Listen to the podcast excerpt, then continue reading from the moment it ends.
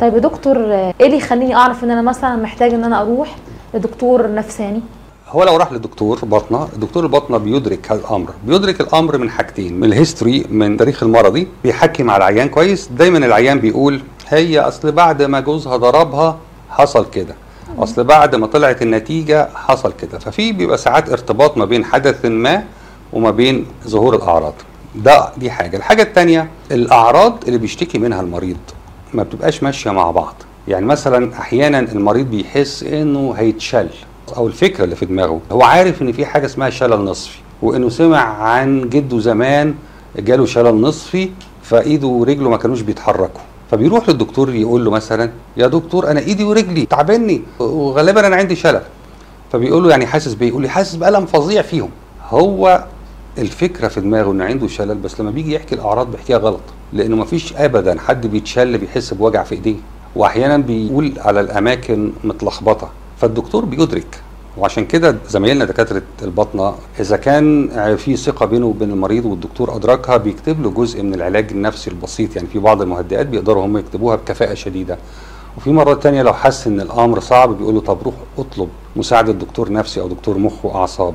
دكتور الباطنه بيقدر يوجه وطبيب الأسرة بيقدر يوجه بس برضه المريض بيبقى مصر على فكرة الأعراض الجسمانية لأن الأعراض الجسمانية ليها ملاذ وليها اهتمام في البيئة يعني الناس بيدعموا الشخص اللي عنده أعراض جسمانية لو جه قال له أنا متوتر يقول له خليه على الله أيوة. أنت مش مؤمن فعلا. أنت فينك يا راجل لكن لو جه قال له هتشال الدنيا بتروح في حتة تاني خالص فدايما الأعراض الجسمانية ليها تقل كده في المجتمع. فيروح يطلب مساعدة يروح للطبيب ايا كان الطبيب اللي هو يستحسنه يعني والطبيب بيدرك لأنه ذهنية الدكتور مترتبة بصورة معينة فبيبقى قادر يعرف الأمر. هم نفسهم المرضى بعد فترة من اللف على الأطباء بيحسوا كده جواهم فيجي يقول أنا رحت لدكاترة كتير قالوا لي ما فيكش حاجة غالبا نفسية.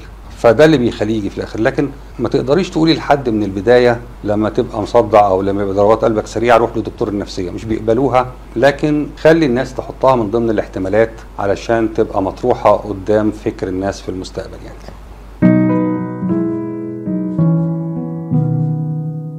هل القلق يعني زيه زي أي مرض ليه خطورة؟ آه طبعا. زي ما إحنا بنقول إنه الملح مصمم وموجود عشان يبقى في جسمنا لفترة صغيرة أو في الطعام بمقدار يساعد ان الأكل يتاكل بمذاق. فالقلق مصمم إني أنجز.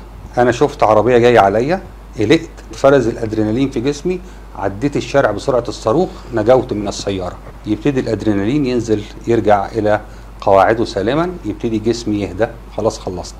اللي بيحصل إنه إذا استمر ذهني يفكر بفكرة لا الخطر لم يزل بعد. انت انت في خطر دائم انت في خطر داهم انت الخطر مستمر. هيحصل إيه؟ هتطلع الرسالة دي أدرينالين باستمرار. يبقى جسمي في وضعية التأهب والتحفز باستمرار ودي المرحلة الأولى. وأفضل جسمي كده مشدود مرحلة التأهب والتحفز دي لا فيها لا نوم ولا أكل ولا استمتاع ولا أي حاجة. أنا قاعد كده ومستني المصيبه تحصل. بعديها بشوية بيحس جسمي إنه لازم يطلع من هذا الأمر فعاوز ينجز أكتر. فبعد الأدرينالين يبتدي يتفرز في المرحلة الثانية من مراحل الضغط. الكورتيزول الكورتيزول بيساعد على إن الخلايا بتاعت الجسم تشتغل ليل نهار يبتدي الإنسان ما ينامش ويبتدي يعول الهم ويبتدي يفكر أفكار كتيرة. وتلاقيه آه، قاعد راسه شغال 24 ساعة يطرح أسئلة كتيرة. عمرها ما هتحصل. يعني الشخص القلوق دائما يقول لنفسه ماذا لو ماذا لو ماذا لو. يعني هيحصل إيه لو كده؟ وهيحصل إيه لو كده؟ وهيحصل إيه لو كده؟ والمرحلة الأخيرة بقى لما يتم الإنهاك والاستنفاذ تماما للجسم يبتدي الجسم بقى يحط وينهار الشخص. دي ثلاث مراحل للضغوط بنشوفها دايما في الناس القلوقة اللي هي محطوطة تحت ضغط لفترات طويلة وده بسبب اختلال ما جوه الجسم.